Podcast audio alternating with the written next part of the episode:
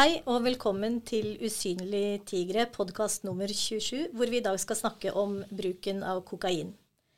Ifølge Ungdataundersøkelsen Ung i Oslo 2023 sies det at i Oslo har bruken av kokain nesten tredoblet seg siden 2018 blant unge. Et skremmende tall som vi ikke ønsker. Vi vet også at rusproblemer skjer i absolutt alle familier. Dette er noe Usynlige tigre kjenner godt til. Vi er over 1700 offentlig synlige personer i Norge som er berørt av andres rusbruk i gruppen vår på Facebook. Men mange pårørende strever imidlertid i ensomhet. Tematikken er preget av skam og tabu, og mange tror fortsatt dessverre at rusproblemer bare skjer i familier hvor omsorgssvikt, vold, rus og overgrep skjer. Jeg heter Siv Anette Enerud og skal lede dere gjennom denne podkasten her i studio til First House. Med oss i dag så er vi så heldige å ha fått med oss viktig og god ekspertise, og noen som kjenner godt til de unges bruk av illegale rusmidler og hvordan det påvirker. Så hjertelig velkommen til Marit Edland Gryt. Marit, du jobber i avdeling rusmiddel og tobakk i Folkehelseinstituttet. Har nydelig skrevet en doktorgrad i sosiologi om unge voksne og bruk av illegale rusmidler i utelivet. Du har også bidratt inn i mange vitenskapelige artikler rundt dette temaet. Så hva gjør at du er så interessert i å jobbe med denne tematikken? Takk for invitasjonen. Jeg syns det er utrolig viktig, men også spennende å forske på hvordan og hvorfor folk bruker ulike illegale rusmidler, og deriblant kokain. Jeg jobba med forskning på rus i mange år. Og før det så har jeg også jobba praksisnært med personer med rusproblemer, også i oppsøkende arbeid på gata i Oslo. Og helt siden jeg ved siden av studiene begynte å jobbe på Ila himmelhus for mer enn 20 år siden, så syns jeg at dette har vært utrolig interessant. Det er et felt som interesserer meg veldig, og som jeg derfor også ønsker å forske på. Jeg tenker at det er veldig viktig at vi har samfunnsvitenskapelig forskning på rus for å forstå mer av problematikken. Vi har også med oss en annen gjest i dag, nemlig Markus Nybakken. Du er utdannet innen avhengighetsproblematikk, som bl.a. gestalt- og traumeterapeut. Du har de siste 14 årene jobbet som behandler, terapeut, på rusfeltet ved fem forskjellige klinikker. Og nå studerer du til sykepleier. Du har jobbet tett på rus og rusbehandling. Altså, hva gjør at du er så engasjert i dette? Ja, ja takk for å bli invitert. Um,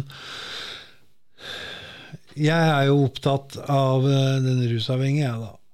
Som jeg ønsker at skal få en mulighet til å finne en ny måte å leve på. Og jeg har troa på at enhver rusavhengig kan finne en ny måte å leve på. Så det er det som er liksom hovedmotivasjonen min. Jeg har 30 års erfaring på rusfeltet. 14 av de som behandler og miljøarbeider og terapeut. Um, og har sett veldig, veldig mange skjebner. Um, men jeg har også mange erfaringer på at det nytter, og at det er mulig å finne en vei ut fra rus. Uh, så det er det jeg brenner for. Og så er jeg også ivrig deltaker i debatten som uh, er om dagen, og i forhold til uh, rus, både sosialt og i forhold til politikk osv. Så, videre. så skal vi prøve å begrense noe av det her i dag, da.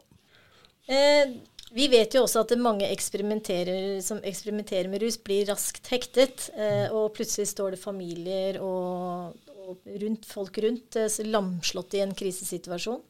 Eh, og her er det ikke gitt at det er så lett å finne veien til hjelp. Og mørketall er jo også store.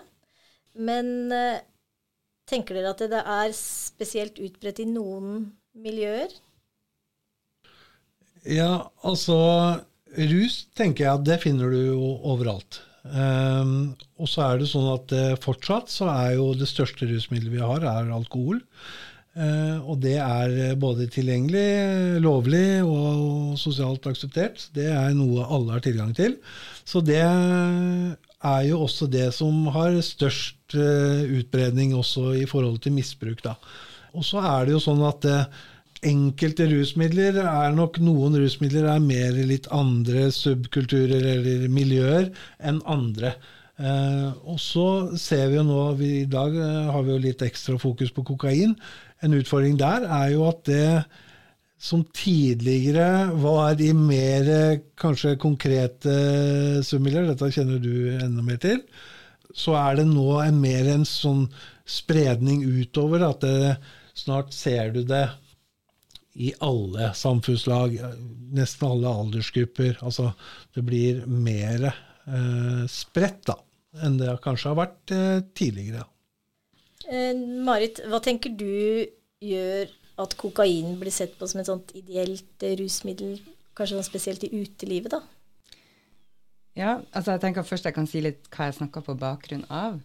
Eh, fordi vi har gjort eh, både befolkningsundersøkelser der vi ser på bruken over tid eh, i hele Norge, men så har vi også gjort en utelivsstudie i Oslo der vi både har intervjua eh, mange utafor utesteder ved to anledninger, og der vi også har gjort dybdeintervjuer. Eh, og det er i den forbindelse at jeg har snakka mye med folk om kokain. Og før jeg svarer på det med ideelt eh, rusmiddel, så vil jeg gjerne bare kommentere på det du, Markus, sa mm. om, eh, om at det fins mer eller mindre overalt, eller i mm. flere sosiale lag. da. Mm. Så tenker jeg at, eh, at, noe av det vi eh, også ser, er at ved å snakke med de unge voksne som bruker kokain ute på byen, er at det kan virke som at det er noen sosiale lommer der det blir brukt, og der man kan snakke om at det kanskje blir mer normalt, og at man eh, har det åpent fremme. Men at det bare er i noen sosiale lommer. Mens det, de samme folkene som bruker kokain sammen med noen venner, kanskje, eh, har kanskje andre venner som man ikke bruker kokain sammen med. Og da, på den måten så får man eh, en, en, sammenheng der man tenker at det er veldig normalt i noen sammenhenger, og at det er helt, helt eh, uakseptabelt i andre sammenhenger. Så det, det, tenker jeg er viktig å, å få med. Og, og, grunnen til at veldig mange unge voksne syns at kokain er et så bra rusmiddel i utelivet, eh, handler om at eh, mange av de tenker at det gjør at de kan drikke mer og være ute på byen lengre. Så i stedet for den mer sånn stereotypiske fremstillinga av kokain som et rusmiddel som er liksom, for det store kicket og for at man skal få en helt fantastisk følelse, så eh, satte de eh, fokus på hvordan kokain kunne gjøre at de kunne drikke mer og fremstå eh, klar i toppen samtidig. Og det gjorde at de f.eks. kunne komme inn på det utestedet de ville, eller kunne sjekke opp han eller hun de var interessert i, selv om de hadde drukket veldig mye. da.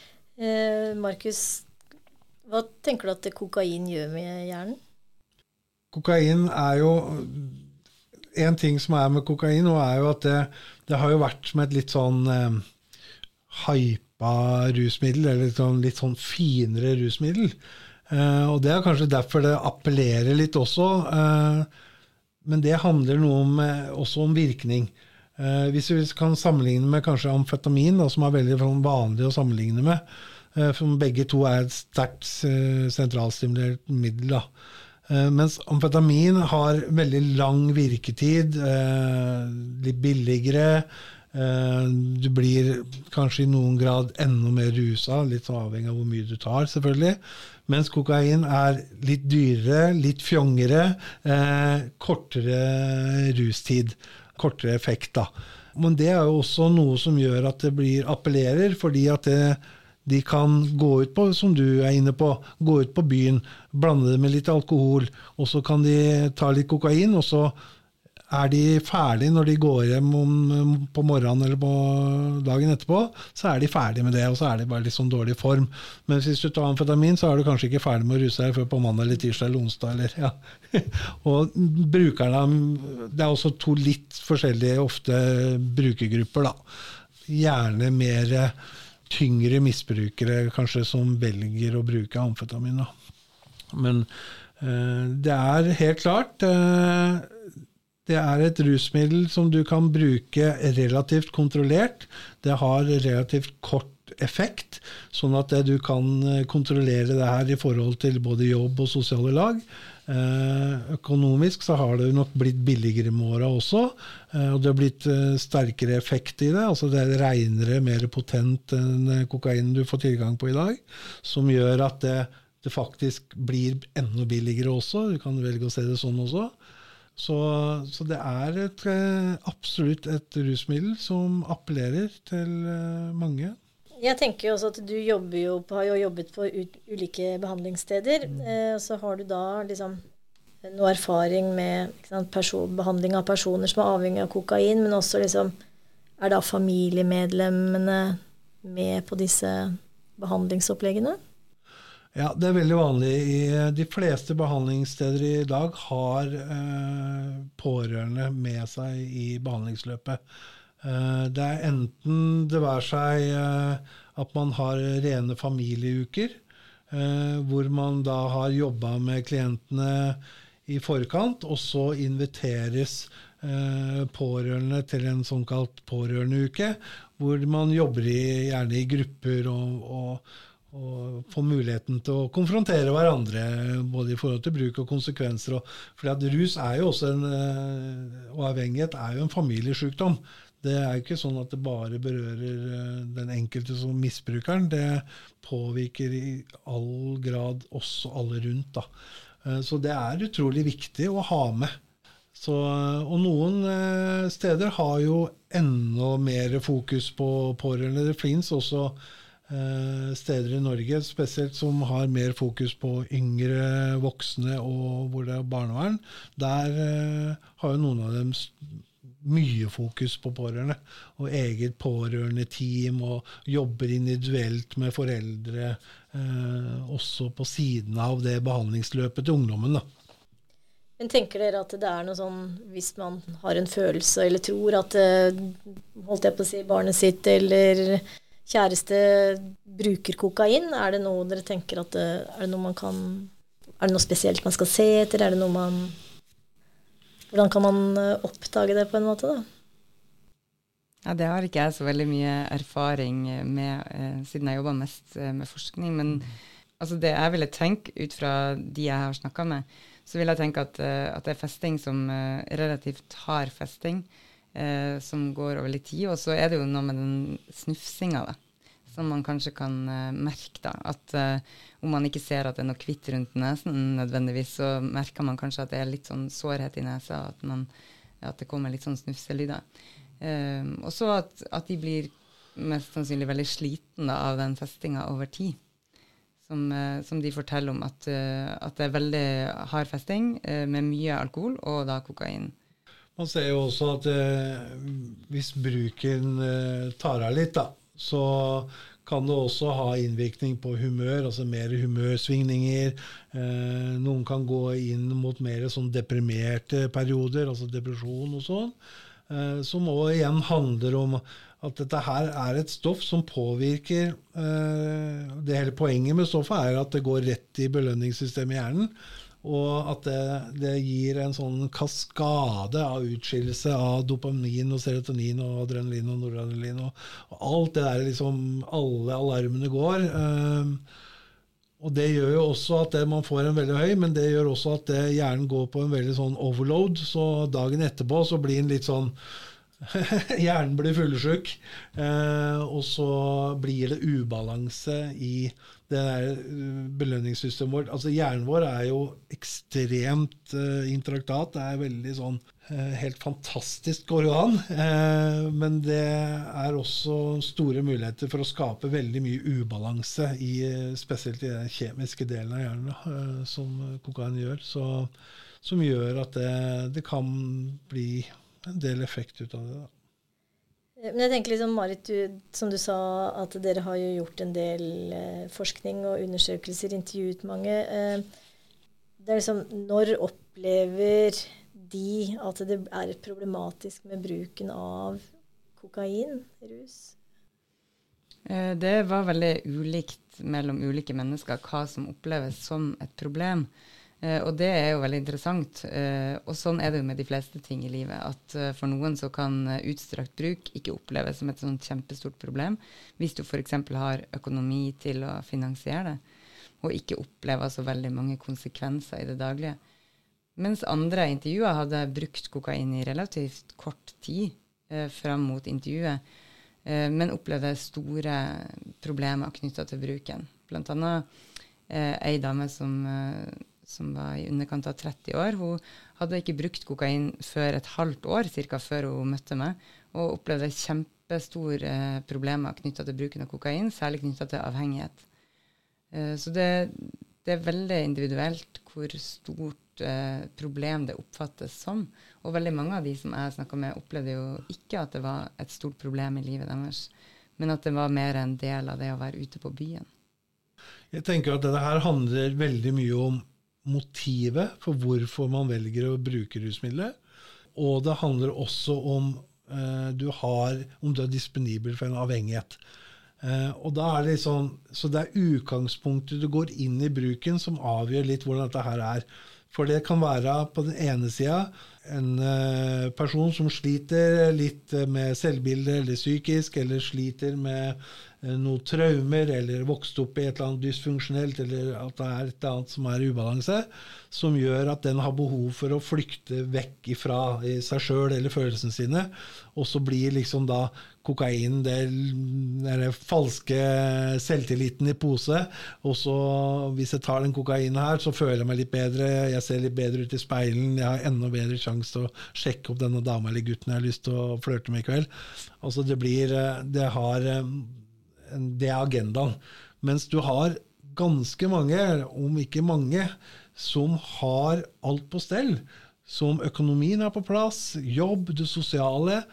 De har bare valgt å bruke kokain, som du er inne på, som et supplement til alkoholen, og som et tillegg til alkoholen. Kun for å liksom bare pike lørdagskvelden. Og da har man også et helt annet utgangspunkt. Og er kanskje ikke Eh, der som den som er å nikke på avhengigheten, da. Eh, og så er det jo egentlig som foreldre, da, så ønsker man jo at det er noen som har fasiten på hva kan man gjøre for å forebygge rusavhengighet hos sine barn. Er det noen ja, jeg, Kanskje. Jeg kunne ha brukt eh, Jeg vil gjerne ha, lage en helt egen podkast om det, hvis jeg kan få lov til det. Her kunne jeg snakka en time. Men uh, det viktigste er for å forebygge at barna skal uh, bruke rusmidler, så må ungdommer bli sett, og de må bli romma, og de må bli hørt, og de må ha trygge rammer, og de må ha forutsigbare rammer. Fordi at rus er, og avhengighet for meg, handler om følelser utelukkende. Altså, Egentlig så er det likegyldig om vi snakker om cannabis eller kokain eller hva det er. Altså, Det er bare symptomet. Problemet, avhengighet, handler om følelser. Uh, avhengighet er en følelsessykdom. Så det er middelet, uh, rusmiddelet blir middelet uh, for å drive en type selvmedisinering da, på følelseslivet ditt. så det, det, vi trenger, det er ungdommer som er trygge. trygge i seg sjøl, og som Eh, kan stå imot da kanskje det ytre presset som er eh, når rusmidler blir tilbudt, som er sånn Nei, jeg er fornøyd med det jeg ser i speilet. Jeg er ganske sikker på at jeg kan sjekke den dama der eh, litt småbrisen eller helt edru. Fordi at jeg er trygg i meg sjøl og har selvbilde, selvtillit, selvfølelse på plass. Um, og for at vi skal ha ungdommer som har det, så trenger vi at de blir sett, og at de blir uh, ramma inn, og at de får muligheten til sant, å oppleve mestring og, og bygge da, selvfølelse, selvtillit og, og, selvfølelsen i oppveksten. Og det er jo med trygge, forutsigbare rammer av kjærlige foreldre eller foresatte eller omsorgspersoner. Ja. Så um, den jobben her begynner hjemme. Ikke på skolen eller videregående, eller, men hjemme. Ja. Mm. Jeg tenker jo at det å kunne ha en åpen og ærlig dialog med barna må jo være det beste utgangspunktet for å kunne, å kunne snakke om rus. Um, det tenker jeg må være et veldig bra sted å begynne. da, Å kunne, kunne, både være ærlig om sine egne erfaringer, kanskje, hvis man ønsker det, eh, men i hvert fall være åpen på å snakke om ulike rusmidler. Og uh, ha en litt sånn nyansert uh, debatt kanskje med barna sine. Om uh, hva betyr dette, hva, hva, innebærer det å bruke rusmidler, og, og, ja, sånn at barna vet litt hva det er når de møter det. Og skal du diskutere med barna dine, så må de gjerne gjøre litt research. Du må gjerne sette deg inn i hva er forskninga, hva er mm. kunnskapen. For hvis du begynner å møte barna dine med det du fikk høre når du vokste opp altså jeg, Nå er jeg 47 år. Eh, hvis jeg hadde hatt en sønn på 20 og skulle messe til han det jeg hørte når jeg var 20, så blir du avslørt uh, med en gang. Fordi at det mest sannsynlig så er ungdommen mye mer oppdatert enn det du er. Så det er noe med det å gjøre gjør researchen og ha en, sånn, en, god dialog på det. Og med argumenter som er uh, grunna i litt annet da, enn det gamle greiene. Før vi runder av, er det noe mer dere ønsker å formidle? Ja, det er alltid noe mer man har på hjertet. Eh, jeg syns det er veldig viktig å få med dette at selv om Folkehelseinstituttet sin rusmiddel, eh, rusundersøkelse og Unge i Oslo viser en økning i bruken eh, av kokain, så er det sånn at eh, 95% av de som er unge mellom 16 og 30 år, ikke sier at de bruker kokain. Og det er liksom viktig når media fokuserer veldig mye på kokainbruk, at det er sånn at de aller fleste ungdommer og unge voksne bruker ikke kokain. Og så er det jo også sånn at det er en del uh, utfordringer knytta til de undersøkelsene som vi har. F.eks. det at mye bygger på selvrapportering. Og vi, vi, vet også fra utelivsstudien, der vi brukte også spyttprøver i kombinasjon med, med selvrapporterte spørreskjema, at det var sånn at det var ikke alle som var helt ærlige om hva de brukte. Jeg tenker også at det er viktig å få til uh, et mer nyansert bilde av hvem det er som bruker kokain. Eh, og at uh, i media kan man få inntrykk av at det er kun personer med stresskoffert uh, og på vestkanten i Oslo, og at man er veldig rik, litt sånn exit-stereotypien. Men at kan, man kanskje skal få øynene opp for at det kan være i litt flere sosiale miljøer at kokain blir brukt. Det er også min erfaring at det nå skiller ikke kokain på om det du har millioninntekt eller om du har sosialstønad. Eh, så jeg er helt enig at det er også mitt bilde. at det, det er veldig, Du snakka om de der eh, sosiale lommene i stad. Jeg tror de sosiale lommene eh, er mye mer altså Nå er det mye flere arenaer hvor de eksisterer, da, kanskje enn før.